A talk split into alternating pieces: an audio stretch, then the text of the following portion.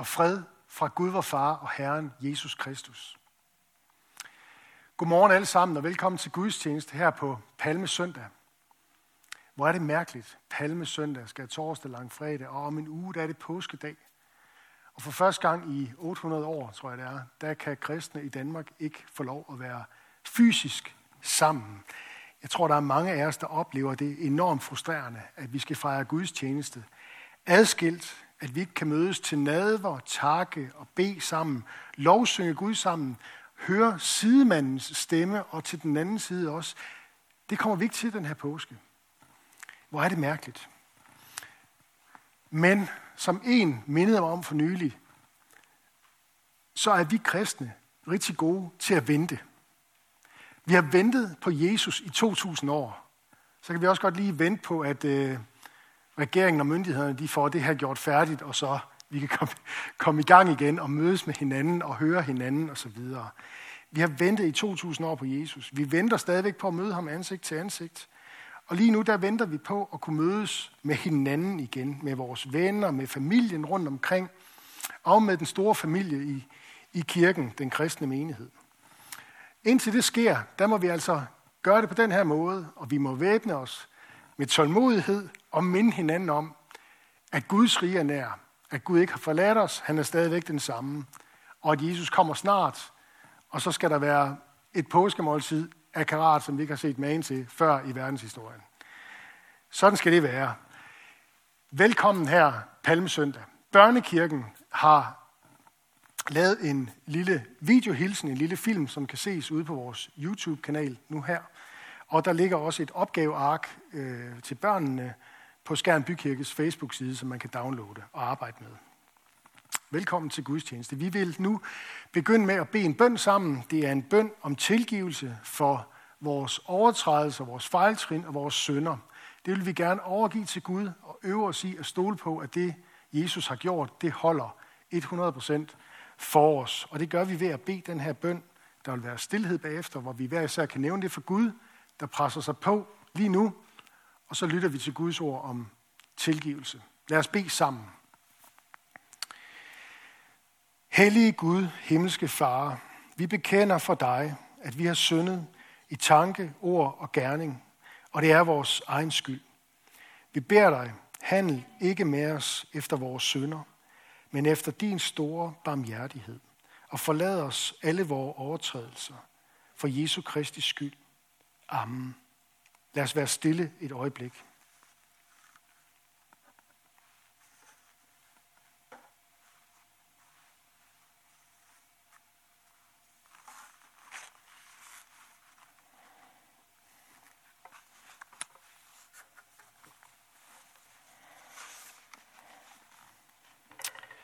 Apostlen Johannes skriver, hvis vi bekender vores sønder, er Gud trofast og retfærdig, så han tilgiver os vores sønder og renser os for al uretfærdighed. Det betyder, at hvis du af hjertet angrer dine sønder, så tilsiges du på Jesu Kristi befaling og for hans døds og opstandelses skyld alle dine sønders nåde i forladelse, i faderens og søndens og helligåndens navn. Vi vil nu fortsætte med at forsage djævlen og bekende vores kristne tro. Vi forsager djævlen og alle hans skærninger og alt hans væsen. Vi tror på Gud Fader, den almægtige, himlens og jordens skaber. Vi tror på Jesus Kristus, hans enborgne søn, vor Herre, som er undfanget ved Helligånden, født af Jomfru Maria, pint under Pontius Pilatus, korsfæstet, død og begravet, nedfaret til dødsriget, på tredje dag opstanden fra de døde, opfart til himmels, siddende ved Gud Faders, den almægtiges højre hånd, hvorfra han skal komme at dømme levende og døde. Vi tror på Helligånden, den hellige almindelige kirke, de hellige samfund, søndernes forladelse, kødets opstandelse og det evige liv. Amen.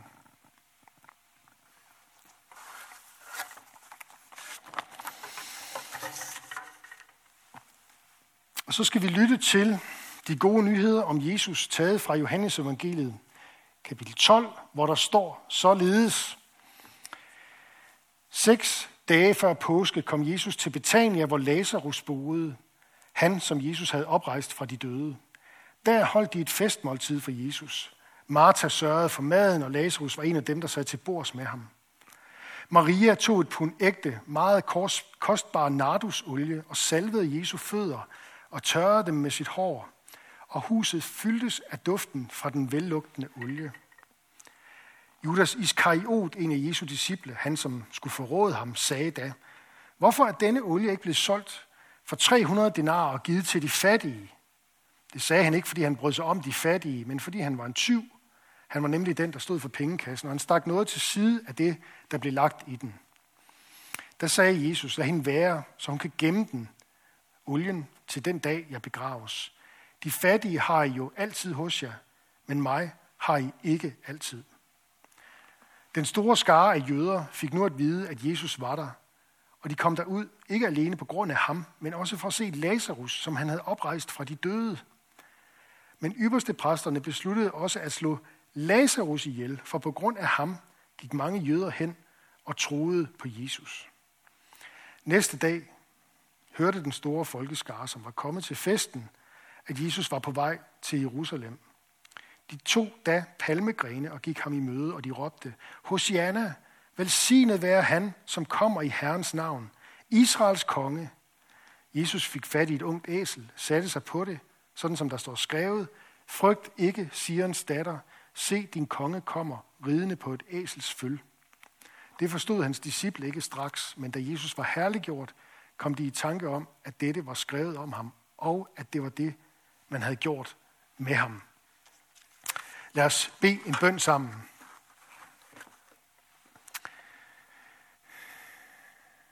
Jesus, kom også til os nu, og lad os få lov til at se mere af, hvem du er. Glæd os med din frelse og dit nærvær. Amen.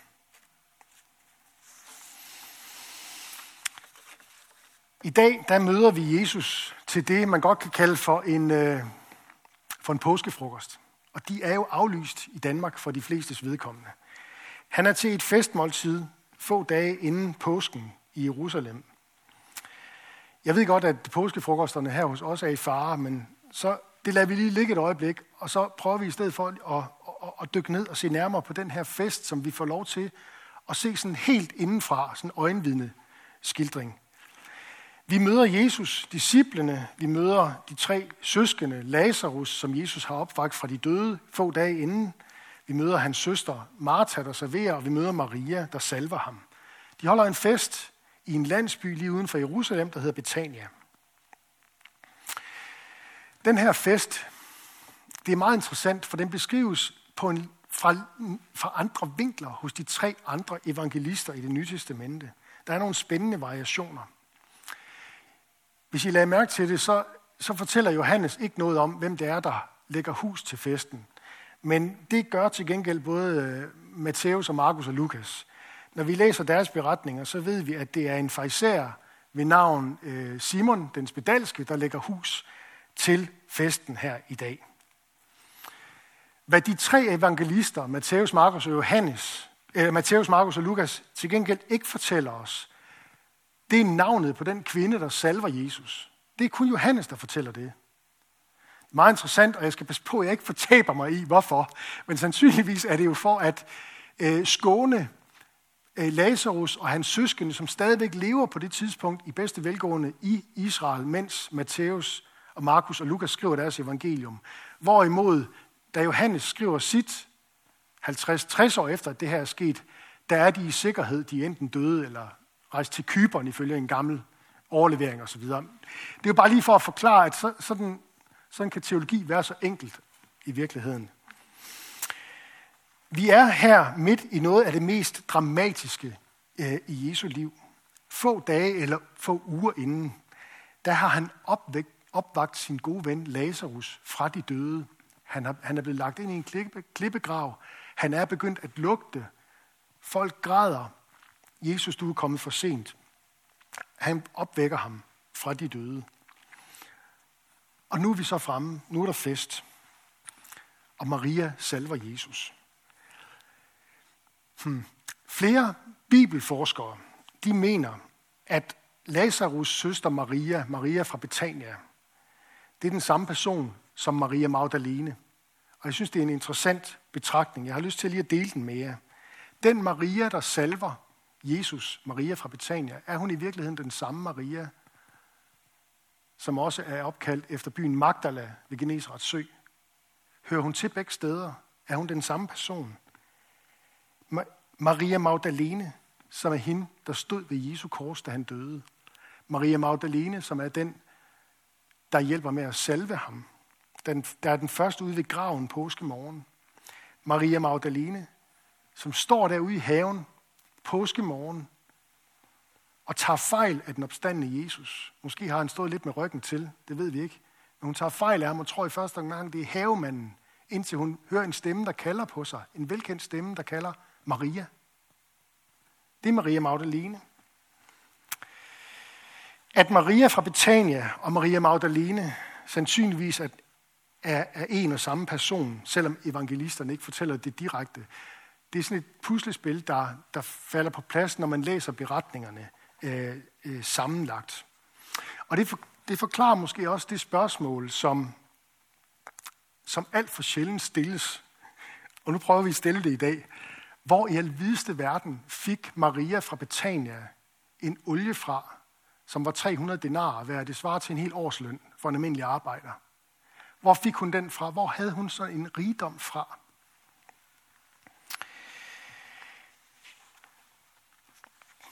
Bibelforskere, de tænker, at hun har tjent den ved hjælp af sin skønhed. Der står, som jeg sagde før, når Matthæus og Markus og Lukas beskriver den her begivenhed, så nævner de ikke, det er Maria.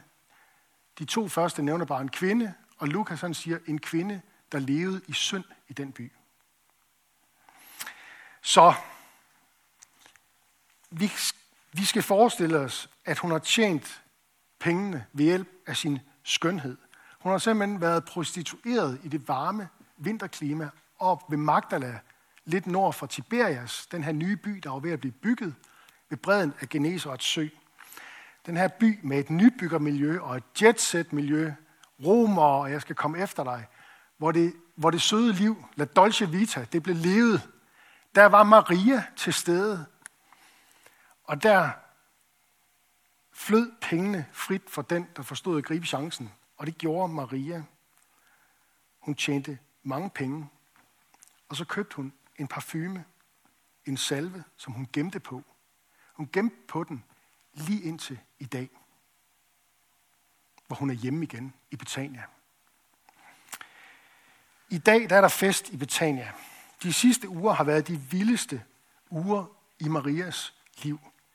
Hendes bror var på et tidspunkt død af sin sygdom. Jesus, som er familiens gode ven, han har lavet vente på sig. Han var ellers kendt for at gøre under, og givet han bare havde været her. Så var min bror ikke død, tænker hun.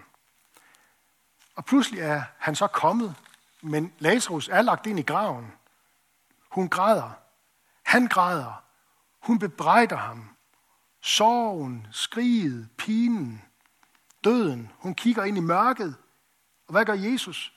Han kigger ind i graven, og så siger han, Lazarus, kom herud. Han sætter alt på et bræt. Og så kommer Lazarus ud. Alt er kaos. Alt er kaos. Hvad sker der? Vi har aldrig oplevet noget lignende. Men da dagen er omme, og Maria sidder derhjemme, så er der én ting, der står lysende klart for hende. Jesus han er mere end en, der bare kan gøre under. Min bror lever. Lazarus lever. Og Jesus, han har magt over døden. Og så går der nogle dage, og så er vi fremme ved festen her. Der er fest for Jesus i Betania. Men selvfølgelig er der fest. Hvem skulle der ellers være fest for? Rygtet, det kører jo stadigvæk rundt. Altså bølgerne fra det der kaos efter, at, at Lazarus var kommet ud af graven. Der er fest for Jesus. Og ja, selvfølgelig sidder Lazarus der ved ærespladsen til bords med Jesus, som der står. Og alligevel så synes Maria åbenbart, der mangler noget. Jesus han har trods alt gjort det aller, aller største under for hende og hendes familie. Så hun tænker, der skal simpelthen Det skal være løgn. Der skal mere gang i den her fest. Ikke også? Simon, den spedalske og hans venner, der, de er ved at trække den her fest i den forkerte retning. Nu skal der ske noget. Ikke? Jeg har simpelthen bare brug for, tænker hun, jeg har brug for at markere min overstrømmende glæde over, at Jesus har givet mig min, min bror tilbage. At han sidder der lyslevende Lazarus og lærer og spiser og nyder livet sammen med Jesus. Og har det godt. Så hun henter sin formue, den her nardusolie, og så begynder hun at hælde den ud over Jesu fødder. Inden hun er færdig med at hælde den ud, så prøver Judas at sabotere det, der er ved at ske. Burde Maria i virkeligheden ikke, burde hun ikke have realiseret pengene og givet dem til Red Barnet eller Folkekirkens Nødhjælp i stedet for? I stedet for at øsle dem væk på Jesus. Det er sådan den måde, han tænker på. Vi ved så fra Johannes, at i virkeligheden, så var det, fordi han ville have fat i pengene selv. Han ville have fingrene i hendes formue. Men vi møder altså her Maria og Judas, der på en måde lever i hver sin verden. Maria, der overstrømmende i taknemmelighed til Jesus, er klar til at markere, at det her, det koster noget. Jeg vil tilhøre Jesus, og det koster noget. Og på den anden side, så har du Judas, der tænker på sig selv. Der ikke stoler på, at Gud vil give ham det, han har brug for. Selv hvis han giver alt. Det stoler Maria på. Jeg giver alt, for jeg ved, at Gud vil give mig, hvad jeg har brug for.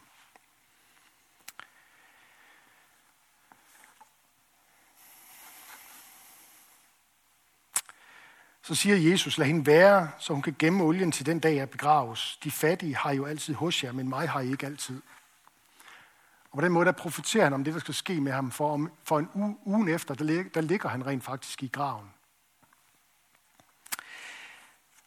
Men den her dag, der har Maria og Lazarus og disciplene Jesus helt tæt på. Fysisk tæt på. De har kunne røre ved ham. De spiser med ham. De lærer sammen med ham. For os i dag, der er det anderledes. Og sådan har det været i 2000 år, siden Jesus, Jesus øh, får til himmels. Han er stadigvæk til stede i verden, men usynligt. Usynligt, men virkelig til stede i verden. Og så er der det, de fattige har vi stadigvæk i blandt os. De ensomme, de syge. Kaldet fra Gud af til at leve troen ud. Det her det er baggrunden for, at de kristne de lever i længsel, i længsel efter Jesus. Længslen, det er vores brændstof. Længslen, den næ, længslen nærer håbet til Gud. Og længslen, længslen gør også, at vores blik rettes imod vores næste. For vi lever alle sammen i en verden, der er gået i stykker, der er tynget af synden og døden og djævlen. En verden, som lykkeligvis en dag vil blive reddet, vil blive helet og blive fornyet af Guds søn selv. Men næste kærligheden, som vi taler så meget om, hvad udspringer den af? Den udspringer af længslen efter Jesus. Den længsel, som Maria udtrykker så, så voldsomt i dag. Ved at salve ham. Den udspringer næste kærligheden af mødet med Jesus som den korsfæstede og den opstandende. Det er der og ingen andre steder, at den udspringer. Jesus har været her en gang på jorden for 2000 år siden. Og han kommer igen, og forhåbentlig kommer han snart. Guds rige er nær. Jesus kommer, og med sig, der har han forløsningen. Det store festmåltid. Den virkelighed, som Martha og Maria og Lazarus fik en forsmag på, den virkelighed, som beskrives så stærkt i slutningen af Bibelen, hvor der står om Gud, at han vil tørre hver tårer af deres øjne, og døden skal ikke være mere. Ej heller sorg, ej heller skrig, ej heller pine skal være mere. Det, der var før, er forsvundet. Noget nyt er blevet til. Det var netop derfor, at den her store skare uden for Jerusalem palmesøndag gik Jesus i møde med lovprisning. Fordi de havde hørt, at han havde opvagt Lazarus fra de døde. Han havde fjernet sorgen og skriget fra den her familie. Det er et godt budskab at vente på, mens vi venter. Et godt budskab til alle os, der længes her Palme søndag. At dødens overmand, han er på vej. Han kommer snart ridende igen. Han kommer snart. Lad os bede sammen. Ja, Jesus, det beder vi om, at du snart vil komme. Vi længes efter dig. Vi længes efter at se dig, at være sammen med dig. Vi længes efter dit nærvær. På samme måde som vi mærker det her nærvær, vi længes efter hos hinanden, og som vi lige nu i den her tid er afskåret fra. Vi takker dig for det kristne fællesskab, også på en dag som i dag, hvor vi er forhindret i at mødes ansigt til ansigt. Lad os at række ud over vores egne behov. Lad os at sætte os selv til side til fordel for vores næste. Lad os finde brændstof til det i længslen efter dig, Jesus, i taknemmeligheden over alt, hvad du er og har gjort. Lad os at se kraften i dit ord og stole på dit nærvær, også når vi ikke kan se dig og mærke dig. Vi beder dig for den kommende generation, både de ufødte, de nyfødte, børnene og de unge. Beskærm du dem og lad dem få lov at vokse op i tro på dig. Vi beder for Skærn by og omegn, at du, Jesus, må blive kendt, troet, elsket og efterfulgt. Vi beder for vores familie, vores venner, naboer og kollegaer. Vi beder om, at du vil være nær hos alle, der er ramt af ensomhed, sorg, sygdom, lidelse. Giv os mod til at være til stede for hinanden på nye måder i en tid, hvor vi kaldes til at holde fysisk afstand. Og giv os visdom og give sikre hænder til de, som arbejder med at lindre smerten hos de af os, som er syge. Lad os bede en bøn hver især for en situation eller et menneske, der har brug for Guds hjælp.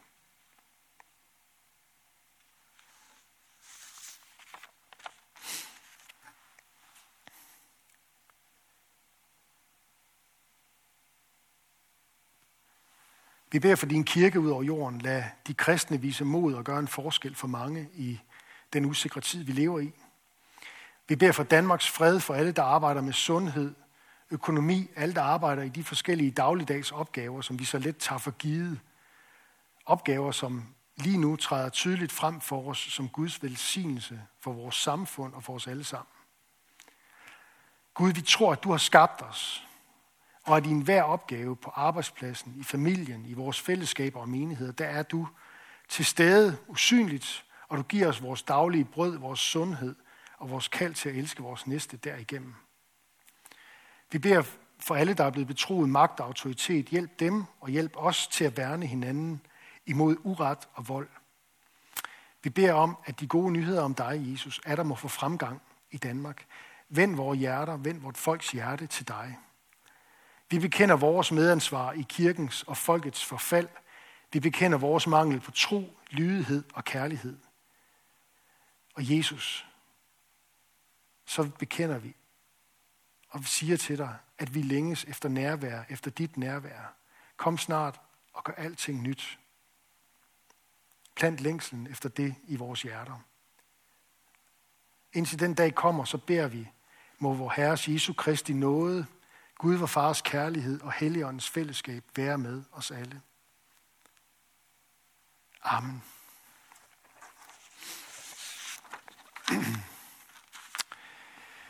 Jeg har et par meddelelser, inden vi lytter til velsignelsen og lovsynger Gud sammen.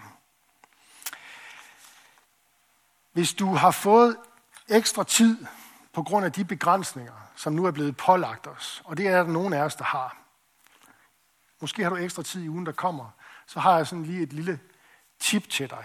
Jeg vil foreslå, at du sætter dig ned og læser et af evangelierne i det nye testamente igennem. Jeg foreslår, at du læser Lukas evangeliet, fordi, og det er den simple grund, at hvis du bliver grebet af det, så, kan, så har Lukas simpelthen skrevet et skrift mere, som du så bare kan fortsætte i, nemlig Apostlenes Gerninger. Så kan du få den næste uge til at gå, hvis du mangler, øh, hvis du mangler noget at give dig til der.